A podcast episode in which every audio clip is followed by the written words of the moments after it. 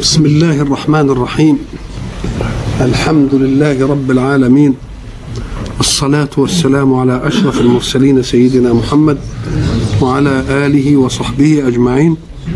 وبعد فقد وقفنا في اللقاء السابق عند قول الله سبحانه أعوذ بالله من الشيطان الرجيم. يا أيها الذين آمنوا ادخلوا في السلم كافة. وقلنا إن السلم والسلم والسلام والإسلام كلها تلتقي عند معنى واحد وهو تساند القوى في الكون والقوى في النفس بحيث لا تتعاند لأن كل ذلك يقابله الحرب. والحرب إنما ينشأ من تعاند قوى. تعاند قوى نفسك حرب مع نفسك. تعاند قوى البشر يبقى حرب البشر مع البشر. تعاند قواك مع قوى الكون الأخرى تبقى بتعاند الطبيعة. تعاند مع الحق سبحانه وتعالى. إذا فالتعاند ينشأ منه الحرب والحرب لا ينشأ إلا إذا اختلفت الأهواء. وأهواء البشر لا يمكن أن تلتقي إلا محروسة بقيم ممن لا هوى له. ولذلك يقول ولو اتبع الحق أهواءهم لفسدت السماوات والأرض. لماذا؟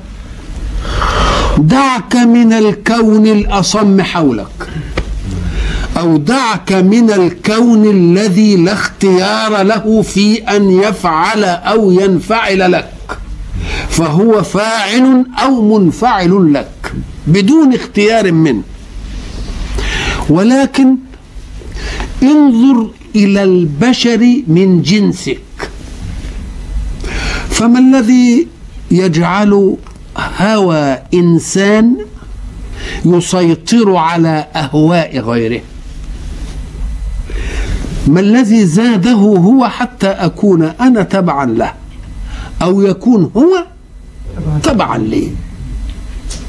لا يمكن في قانون التبعية إلا أن يكون التابع مؤمنا بأن المتبوع فوقه.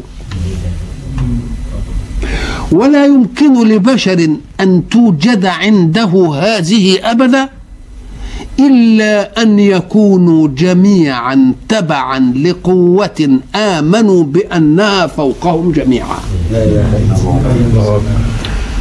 فحين نؤمن بها ندخل في السلم. لا يوجد تعاند بين أي قوة وقوة أخرى. ليه؟ لأنني لست خاضعا لك ولست خاضعا لي. وأنا وأنت مسلمون لقوة أعلى مني ومنك. ويشترط في القوة التي نتبعها طائعين أن لا يكون لها مصلحة فيما تشرع. المشرعون من البشر يبقى لهم مصالح حين يشرعون. وضربنا أمثلة زمان. وقلنا إن شرع العمال يبقوا على الرأسمالية وإن شرعت الرأسمالية تبقى على مين؟ على العمال. إذا الذي يشرع لا بد أن لا يكون منتفعا بما يشرع. حين لا يكون منتفعا بما يشرع يبقى تشريعه على العين والرأس. فحين ندخل في الإسلام ندخل في الإسلام جميعا. كفة يعني جميعا. وكلمة كافة دي الدقة بتاعتها إحنا في لغتنا العامية بندركها. ساعة تذهب إلى الحائك أي الخياط. ليخيط لك ثيابا. دقة صنعته في حين يحيك أن تقول له كففها كفف إيه؟ معنى كففها يعني إيه؟ يعني امنع من أن تتناسل ويطلع منها ال... اجعل لها كفافة تمنعها بحيث تضمها مجتمعة مع بعضها بحيث لا يشذ منها خيط واحد. يبقى معنى كفة يعني إيه؟ جميع. جميع يعني نعمل لها كفافة كده بحيث لا يخرج منها إيه؟ لا يخرج منها واحد. فكذلك بيقول ادخلوا في السلم إيه؟ جميعا. لا يشذ منكم إيه؟ أحد. أو ادخلوا في السلم أي الإسلام بجميع تكاليفه بحيث لا تتركوا تكليفا يشذ منك يبقى المعنى ده يجي والمعنى إيه؟ أما المعنى الأول حين يأتي فلأنه لو لم ندخل في السلم جميعا لشقي الذين يسلمون بالذين لا يسلمون. لأن الذي يسلم سيهذب سلوكه بالنسبة للآخرين. يبقى يكون نفع المسلم لسواه ويشقى هو بغير إسلام من لم يسلم. يبقى من مصلحتنا جميعا إننا نكون إيه؟ مسلمين كلنا. ولذلك الذين لا يدركون هذه يفسرون قول الله لا يضركم من ضل إذا اهتديتم على غير ظاهرها. ومن هدا من ضمن هدايتكم أن تبصروا من لم يؤمن بأن يؤمن. دي داخل في هدايتكم. ليه؟ لأن أنت مصلحتك إذا أسلمت ستعود على الغير. لأن سلوكك هيبقى إيه؟ مهذب. طب والذي لم يسلم؟ اذا ستشقى به. يبقى من مصلحتك إنك أنت تقضي وقت وقت طويل. وتتحمل عناء كبير في أنك تجعل من لم يكن داخلا في الإسلام أن يدخل في الإسلام. وإياك أن تقول إن دي يضيع عليك فرص الحياة. لا ده يضمن لك فرص الحياة. يضمن لك. ما تقولش أنا هضيع وقتي. لا أنت مش هتضيع وقتك. ده انت هتحمي نفسك من شرور غير المسلم. تحمي نفسك من شرور إيه؟ ولذلك اذكروا جيدا اننا حين تكلمنا في فاتحة الكتاب قلنا إن الله يعلمنا أن نقول إياك نعبد كلنا يا رب. لأن لما نعبد كلنا هنسعد كلنا. واهدنا مش اهديني بس. لأنك إن هديتني وحدي فسيتمتع غيري بأثر هدايتي. وأنا أشقى بضلاله. فمن مصلحتنا إننا نبقى إيه؟ مهديين كلنا. هذا على معنى ادخلوا في السلم كفة يعني جميعا أيها الناس. طيب وعلى معنى أن ندخل في الإسلام بحيث لا يشذ منا حكم. قال لك لأنك تريد أن تبني حياة. والإسلام شرح رسول الله صلى الله عليه وسلم أن له أسس هي الأركان الخمسة. إياك أن تأخذ. ثلاث أركان وتسيب ركنين. لأن هندسة الإسلام مبنية على كام؟ على خمسة. من الممكن إن واحد كان سألني واحد أحد المهندسين قال لي طب ما هو من الممكن إن نعملها على ثلاثة وعلى أربعة وعلى خمسة؟ قلت له ولكن حين تجعلها على أربعة. وتوزع الأحمال والأثقال على أربعة أسس. أيمكنك حين تنشئ أن تجعلها ثلاثة؟ من الأول اعملها كده. ووزع القوى على ثلاثة. وزع القوى على أربعة. وزع القوى على إيه؟ عشر. الله شاء أن يجعل أسس الإسلام خمسة. أسس الإسلام خمسة. وبعد ذلك يبنى الإسلام. حين يبنى الإسلام إياك أن تأخذ لبنة من الإسلام دون لبنة. بل يؤخذ الإسلام إيه؟ كله. ولذلك التلفيقيات التي تحدث في العالم المسلم الذي يحاول أن يأخذ بعضا من الإسلام ويترك بعضا نقول له ده هتتعبوا لأن الإسلام لازم يتخذ إيه؟ كله. كله مرة واحدة كده. يبقى ادخلوا في السلم كافة. يعني إياكم أن تتركوا حكما من الإيه؟ من الأحكام. الذي يتعب المنسوبين إلى الدين الآن أننا نريد أن نلفق حياة إسلامية في بلد قانونها غير إسلامي. يبقى ده التعب ولا لأ؟ ضربت لكم مثلا أنا لو تعرضت لواحد بيشرب خمر أبقى أنا اللي اعتدت على حريته. مش كده ولا لأ؟ ويحاكمني ولا لأ؟ حاكمني. لكن لما أكون في مسلم في بلد مسلم أنا وهو حين نرفع الحاكم والحاكم وياه أنا بساعد الحاكم. مش كده ولا لأ؟ يبقى اذا علشان علشان ننجح يبقى لابد أن يؤخذ الإسلام إيه؟ كله. كلمة واحدة. لا ما ياخدوش من الإسلام إلا وأطيعوا وأولي الأمر. أطيعوا أولي الأمر. طب ما تشوف أطيعوا الله الأول وأطيعوا الرسول. اشمعنى دي يعني اشمعنى دي اللي باينة قوي عندك؟ اشمعنى دي اللي باينة؟ عندك ليه؟ كل ما يجي يقول لك واولي الأمر واطيعوا يا شيخ قول له كمان افهم. الله لم يجعل لولي الأمر طاعة مستقلة. قال أطيعوا الله وأطيعوا الرسول ولم يقل وأطيعوا أولي الأمر بل قال وأولي الأمر من دون أن يكرر الطاعة. ليدل على أن طاعة ولي الأمر من باطن طاعة الله وطاعه نريد تلفيقا خذوا الإسلام كله كله إيه؟ هاتوها من قصرها وخذوا الإسلام كده كله إيه؟ كله واحد. يا أيها الذين آمنوا ادخلوا في السلم كافة. ما الذي يقدح في هذه القضية؟ أن ندخل في السلم كافة أي جميعا أو ندخل في السلم بالإسلام كافة بمعنى في كل مبادئه. ما الذي يعوق هذه المسألة؟ إنه الشيطان. إنه الشيطان. إذا الذي يقدح في دخولنا كافة في الإسلام سواء كان المطلوب أن يدخل الناس جميعا في الإسلام أو أن ندخل نحن في كل الإسلام الذي يقدح فيه ماذا؟ آه ولا تتبعوا إيه؟ خطوات الشيطان. لماذا لا نتبع؟ لأن عداوته لكم عداوة مسبقة.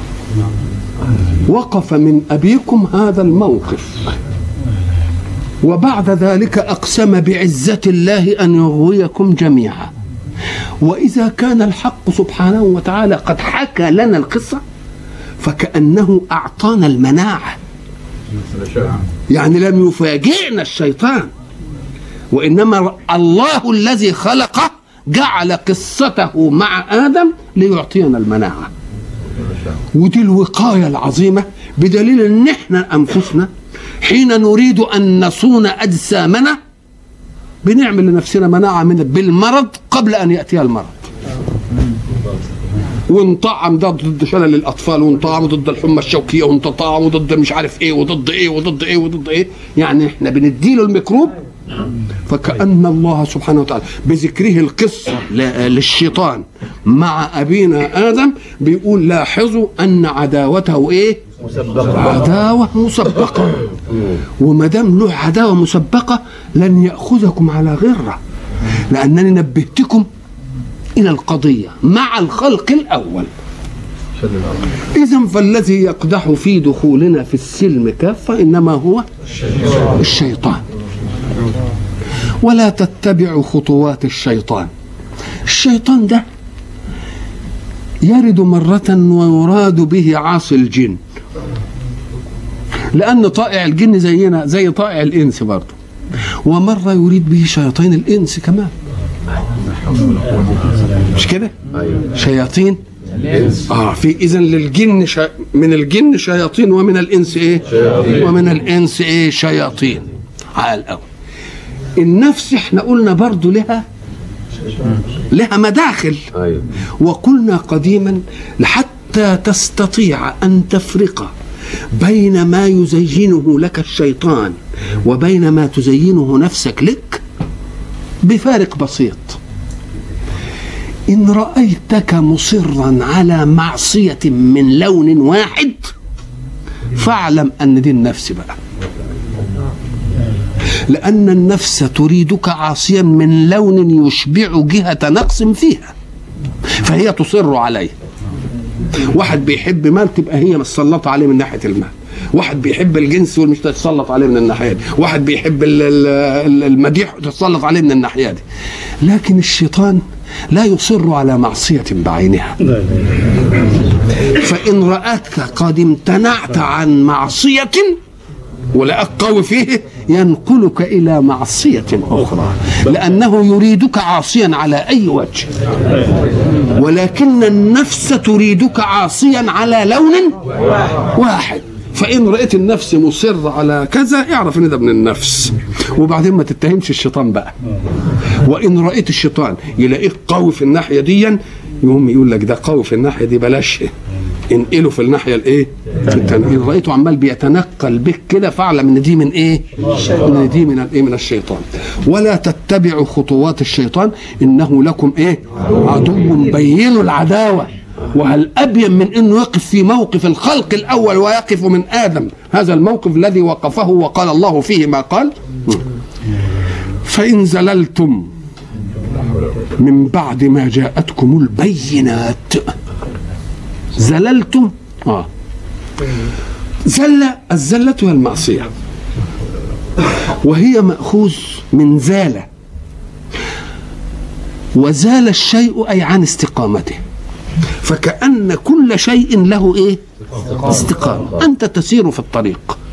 لك استقامة وماشي على الطريق وكل حاجة وبعدين تيجي حفرة صغيرة ما خدتش بالك منها. تقوم مست... ال... ال... ال... في حاجة اسمها التوازن الذاتي. توازن ذاتي. التوازن الذاتي وانت ماشي كده آه، ما دام الطريق ماشي مستقيم تلتفت تلاقيك نقلت رجليك ومشيت مسألة مش عايزة. فإذا صادفك شيء لم يكن في الحسبان. في الحسبان تقوم رجلك تعمل إيه؟ تروح تزل.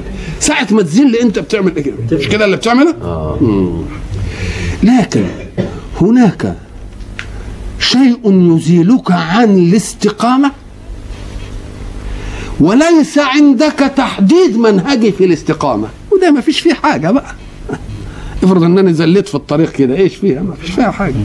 إنما لما يكون عندي طريق استقامة في المعاني وفي الدين وبعد ذلك أسيبه. اهو ده اللي إيه اهو ده الزلل. يبقى الزلل المراد به إيه؟ ذنوب. شيء عندك فيه منهج مستقيم وتخالفه. إنما الزلل اللي هو الزلل المادي ده اللي أنت بتشوفه ده ما فيش فيه إيه؟ ما فيش فيه تكليف. فإن زللتم من بعد ما جاءتكم البينات. كأن الله يقول أنتم لا عذر لكم مطلقا في أن تزلوا. لأنني بينت لكم كل شيء ولم أترككم إلى عقولكم. وإن كان المنطق كان يقتضي إن عقولكم إن استعملت استعمال صح كانت تنتهي إلى هذه القضايا. ومع ذلك ما كنا معذبين حتى نبعث رسولا. لازم نقول لك لا دي كذا ودي كذا ودي كذا ودي كذا ودي كذا ودي كذا. ليه؟ عشان إيه؟ عشان تلزمك الحجة. تلزمك الحجة. الحق سبحانه وتعالى يترك في بعض الأشياء للبشر أن يأتوا بفكر من عندهم ثم يوافق الله عليه. ليه؟ قال لك ليعلمك أن العقل إذا ما كان طبيعيا ومنطقيا يستطيع أن يهتدي إلى الحكم بذاته. ولذلك ترك لعمر موافقات. عمر يجي يقول نعمل كذا يقوم القرآن ينزل على وفق عمر. نعمل كذا واحد يقول الله. طب وليه ما كان النبي أولى؟ لا لو كتم النبي نقول له أصل النبي معصوم وبيوحى إليه. إنما يريد الله أن يقول إن العقل الفطري لما يصفى كده يستطيع أن يهتدي للشيء وإن لم يكن هناك إن لأن عمر قال ما عمر لولا الإسلام. إيش يا عمر دي لولا إن الإسلام جه؟ مش كده؟ ولكن ليه بنقول عمر علشان يمكن لو قلنا محمد يقول أصل محمد ده بيوحى إليه ومعصوم هو ده حد يقدر يبقى زيه؟ لا هو بشر أهو. اذا يقرب لنا أن نكون جميعا عمر. يقرب لنا. أن نكون جميعا عمر. ليه؟ لأنه بالفطرة بيهتدي إلى الإيه؟ من القضية. نعمل كذا يا رسول الله. ينزل الوحي موافق لمين؟ موافق لعمر. فكأن الله لم يكلفنا شططا. وإنما جاء تكليفه ليحمي تقنين العقول من أهواء النفس التي ترين على النف... على العقول. لأن هي آفة الرأي إيه؟ آفة الرأي الهوى. لولا وجود الهوى الرأي يبقى كله إيه؟ رأي إيه؟ سليم. الرأي يبقى كله واحد. إنما اللي بيخلي مش مش ادولنا مثل زمان. أن المرأة جمعت الصيف والشتاء في ليلة واحدة؟ آه. مش قالوا لنا كده ولا إيه؟ مجوزة بنتها وابنها. طب ابنها معاه مراته وبنتها معاه جوزها. وما فيش لهم إلا حجرة واحدة واخدين قاسمين كده ومقسمين كده. وهي بقى نايمة. نومها آه، قليل معرش. تقوم تيجي مثلا لبنته تقول لها دف جوزك. وتيجي لابنها تقول له يا أخويا ابعد الدنيا حر. المكان واحد والليل واحد وكل حاجة. يبقى ما الذي جعل هذا؟ الهوى. الهوى. لا إله إلا الهوى. الهوى هو اللي إيه؟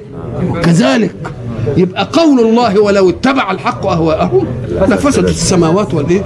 لفسدت السماوات والأرض. إذا فالحق سبحانه وتعالى يعصمنا حين يشرع لنا. أيوه. يعصمنا حين يشرع لنا. ويجب أن تتنبهوا أيضا جيدا إلى أن الحق سبحانه وتعالى يرغم بواقع الحياة وبأحداثها عند غير المؤمنين أن يضيقوا زرعا بتقنينات أنفسهم لأنفسهم. ودايما فيحاولون أن يخففوا من خطأ التقنين البشري. فيقننون أشياء يعدلون بها ما عندهم. فلو نظرت إلى ما عدلوه لوجدته. إن لم يلتقي مع الإسلام فقد قرب من الإسلام. علشان يقول لك ده ده أحداث الحياة نفسها تضطرك إنك أنت تروح لقضية الإسلام. ولذلك أنا سئلت سؤال إحنا في أمريكا. يقول أنتم تقولون إن الله يقول في كتابه ليظهره على الدين كله. ومرة يقول ولو كره ال- كافرون. ومرة يقول ولو كره الايه؟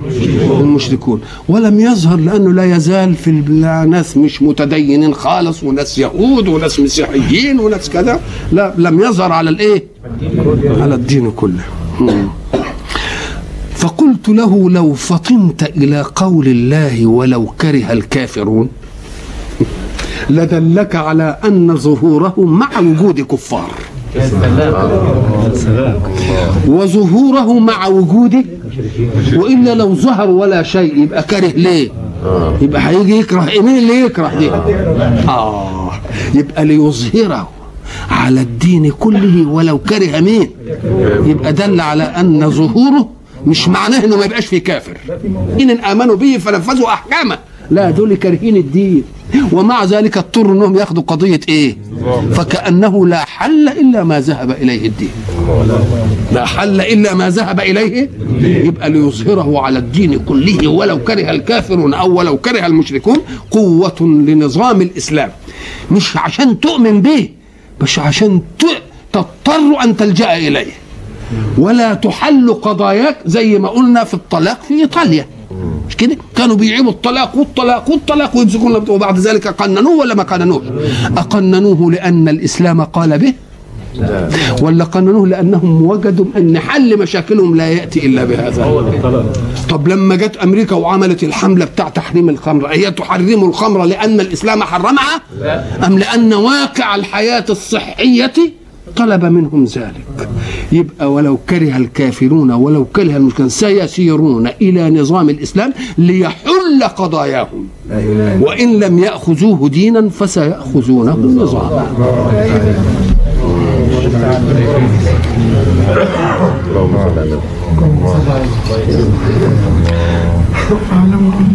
فإن زللتم من بعد ما جاءتكم البينات إياكم أن تظنوا أنكم بزللكم أخذتم حظوظ أنفسكم وفلتتم من الله. فإن مرجعكم إلى الله. وهو عزيز يغلب ولا يغلب. ومع عزته بأنه يغلب ولا يغلب. ما خدهاش كده جبروت كده. لا ده بحكمة. جبروت بحكمة.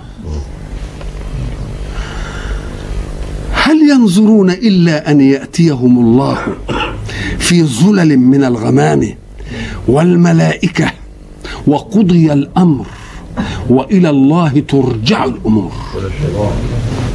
ماذا ينتظرون؟ بينتظروا إيه؟ فاهمين إيه؟ يعني ستبغتهم المسألة. ستبغتهم؟ وبعد ذلك يجدون أنفسهم بكون وإن أخذ زخرفه إن- انتهى كل شيء. وصار الأمر لمين؟ لله. كلمة النظر هل ينظرون من النظر؟ النظر طلب الإدراك لشيء مطلقا. أنت بتاخدها بس للعين. لا. طلب الإدراك لأي شيء بأي شيء يسمى إيه؟ نظر, نظر. ولذلك لما نيجي الواحد كده بيتكلم في أي مسألة معنوية نقول له يا أخي أنت البعيد أليس عندك نظر؟ يعني إيه يعني؟ فكر. مم. يبقى النظر هو إيه؟ طلب الإدراك لشيء. فإن طلبت أن ترى يبقى النظر بتاع العين. وإن طلبت أن تعرف وتعلم يبقى النظر بالفكر وبالقلب ومرة يطلق النظر على الانتظار على إيه؟ الانتظار ما هو الانتظار هو إيه؟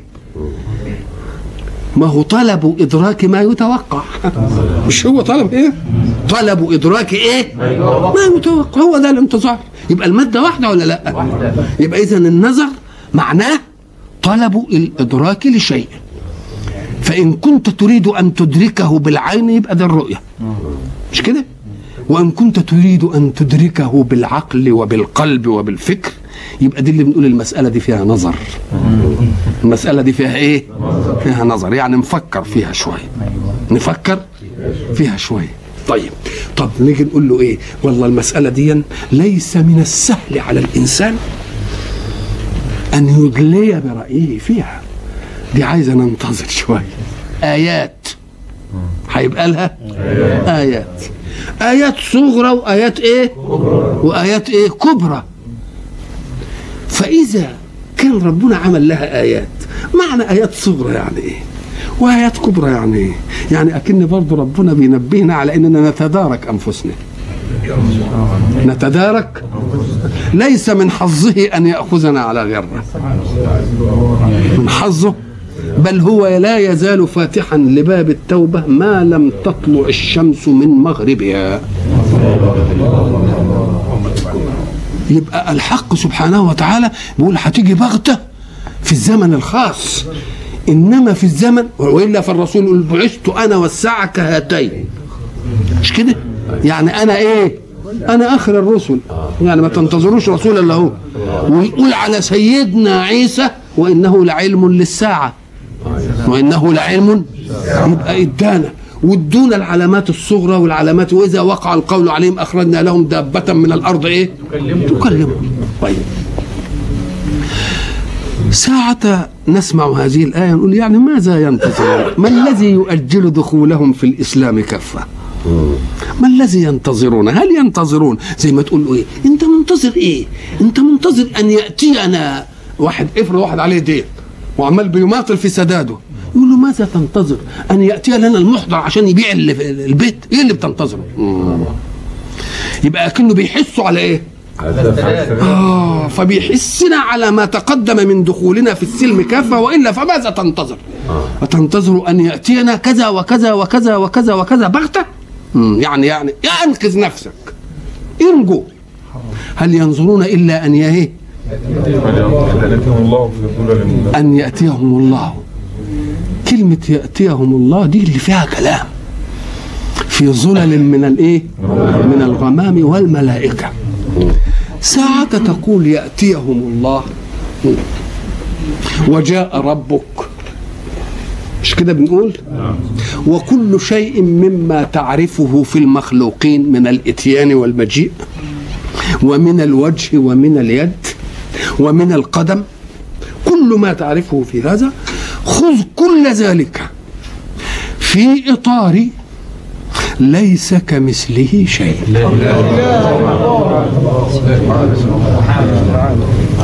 في إطار ليس كمثله شيء. وإلا فالله موجود وأنت موجود. أوجودك كوجوده. والله حي وأنت الآن حي. أحياتك كحياته؟ والله سميع وأنت سميع. أسمعك كسمعه الله بصير وأنت بصير. أبصرك كبصره؟ ما دامت كل هذه الأمور تعتقد أن له صفات مثلها فيك؟ ومع ذلك ليست مثلها. تبقى لما أقول لك أتى أتى الله. وجاء الله ما تاخدوش زي مجيئك وأتيانك بقى.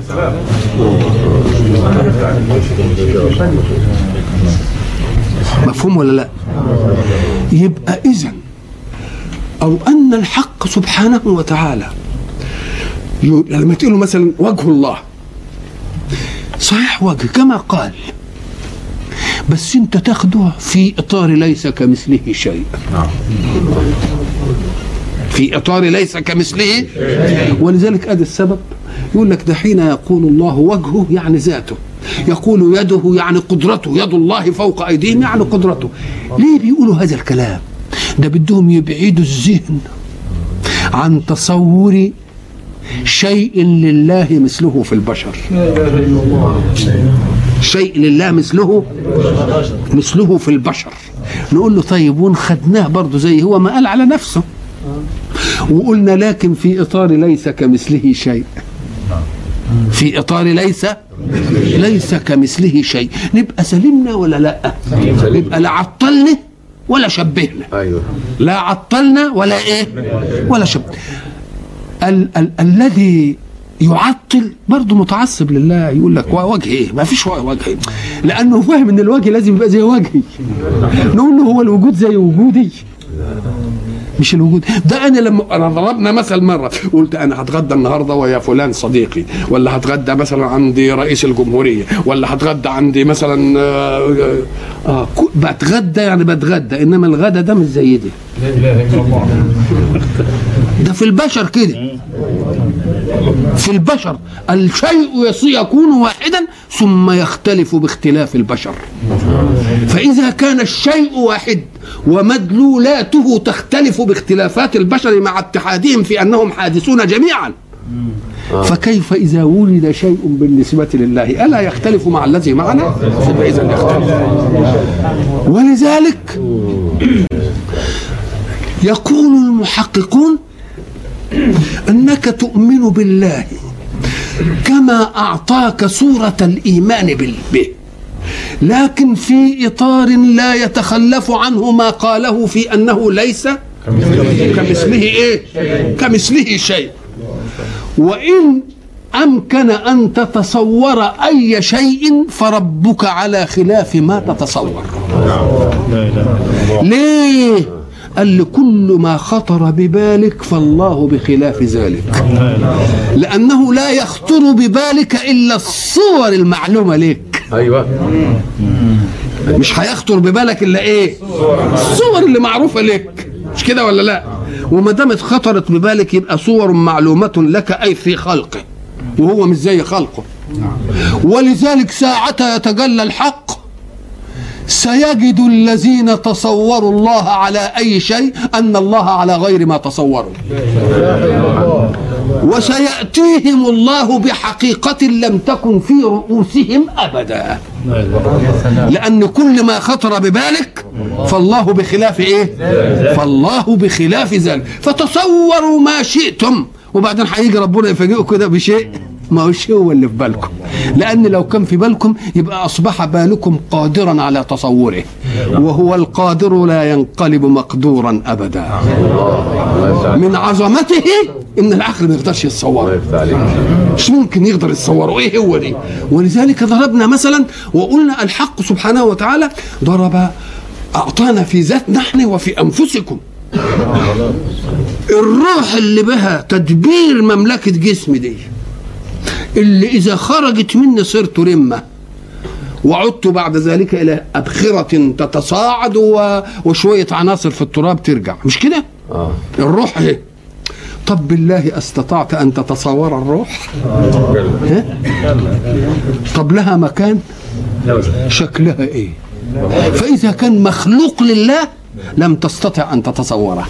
فكيف تستطيع أن تتصور خالقه يبقى الحق سبحانه وتعالى أعطانا الإيه؟ مثل في نفسنا إحنا. يبقى من عظمة الحق أنك لا تستطيع أن تدرك صورته. ولذلك ساعة نقول يأتي الله يعني بما لم يكن في حسبانكم. كل اللي هيتصور ربنا على أي شكل ساعة ما يجي ربنا يبقى جاء على على حقيقته. غير الصورة اللي إيه؟ اللي في دماغكم. هل ينظرون إلا أن يأتيهم الله في ظلل من الغمام والملائكة؟ يعني تيجي الملائكة وقضي الأمر. في ناس عايزين يخرجوا المسألة هل ينظرون إلا أن يأتيهم الله؟ يعني أمر الله. أمر؟ هو عايز يخرج من إيه؟ من إن ربنا أتى. وإن ربنا إيه؟ جاء زي وجاء ربك والملك وإيه صفا إيه؟ صفا. في ظلل من الغمام. والملائكة كلمة ظلل من الغمام دي مسألة غيبية كلمة الغمام نعرفها. أولا ظلل نعرفها. ما هي الظلل؟ جمع ظلة. الظلة دي تقدمت في قوله سبحانه إيه عند قوله سبحانه وإذ نتقنا الجبل فوقهم كأنه إيه؟ ظلة. يعني شيء يظلل. طيب. وظلل ومن الغمام؟ والغمام إيه؟ آه، غم الشيء. آه مستور يعني. والغمام ده بيستر إيه؟ بيستر الشمس وبيستر عنا السماء. مش كده ولا لا؟ فكأن العملية هتجينا في, في, في إيه؟ في زحمة تضبيبة. زحمة إيه؟ في هول. آه. هل ينظرون إلا أن يأتيهم الله في ظلل من الغمام أمر أمور غيبية والملائكة؟ وقضي الأمر. قضي الأمر يعني إيه؟ يعني خلاص لم يعد هناك مجال أن ترجع إلى الله. وما دمنا لا نعرف تحقيقها زمنا خاصا. يبقى من الأحسن والأليق أن نحتاط لوقوعها. مش كده ولا لا؟ وقضي الأمر وإلى الله ترجع الأمور. مرة يقول ربنا ترجع الأمور ومرة ترجع الإيه؟ فكأن الأمور مرة تجيء مندفعة بذاتها ومرة تساق. ومرة فالشيء بذاتيته يأتي والشيء بسوقه إليك يأتي. فكل عوامل الإتيان متوفرة فمن لم يجئ طوعا جاء إيه؟ جاء كرها. ثم يعود الحق سبحانه وتعالى إلى بني إسرائيل. لا حول ولا قوة إلا بالله العظيم فيقول سل بني إسرائيل كم آتيناهم؟ فكأن الله لم يحمل على بني إسرائيل ويريد من بني إسرائيل أن يقروا على أنفسهم. ساعة تقول سل فلانا عما فعل أو سل فلانا عما فعلته أنا معه؟ كأنك لا تأمر بالسؤال إلا عن ثقة أنه لن يجد جوابا إلا ما يؤيد قولك. ساعة يجي لك يقول لك اسأله هو. ماذا صنع سله أنا مش لا أتكلم. معنى سله ولا أتكلم أنا خليهم. هم اللي يتكلموا؟ أنه واثق تمام الثقة في أنهم لن يستطيعوا مع لددهم أن يتكلموا إلا بما يوافق القضية التي يقولها الحق. تبقى حجة ولا لأ؟ جي واحد يشتكي لك وبعد قلت له والله أنا لا أتكلم اسأله. أنا راضي اللي يقوله. لا تقول هذه الكلمة وتجازف وتعطي الحق له في أن يتكلم كلاما يكون حجة عليك. مش أنت بتقول اسأله؟ يعني احترم جوابه. لا تقول ذلك إلا إذا علمت تمام العلم أنه لن يستطيع أن ينكر شيئا من هذا. فبقول سل بني إسرائيل كم آتيناهم؟ ساعة ما تسمع كم؟ افهم أنها كناية عن الأمر الكثير. كم فعلت كذا مع فلان؟ كم صنعت معه معروفا؟ كم تهاونت معه؟ كم أكرمته؟ ك- ساعة ما تسمع كم دي معناها أنها الكميات الكثيرة التي يكنى بها عن أنها عددها لا يحصى. عددها لا يحصى. سل بني إسرائيل كم آتيناهم من آية بينة؟ الآيات اللي هي اللي تقدمت وقلناها زمان دي. ومن يبدل نعمة الله من بعد ما جاءته فإن الله شديد العقاب. فكأنه بين لنا أن الآيات كانت من قبيل النعم. إما النعم المادية التي أعطاها الله لهم وإما النعم القيمية القيمية التي جاء الله بها في منهجه. فسلهم ليخبروك. من يبدل نعمة الله؟ فكأن الآيات كانت كلها إيه؟ نعم, نعم. من بعد ما جاءت فإن الله شديد العقاب. وإلى لقاء آخر إن شاء الله. نستكمل. الله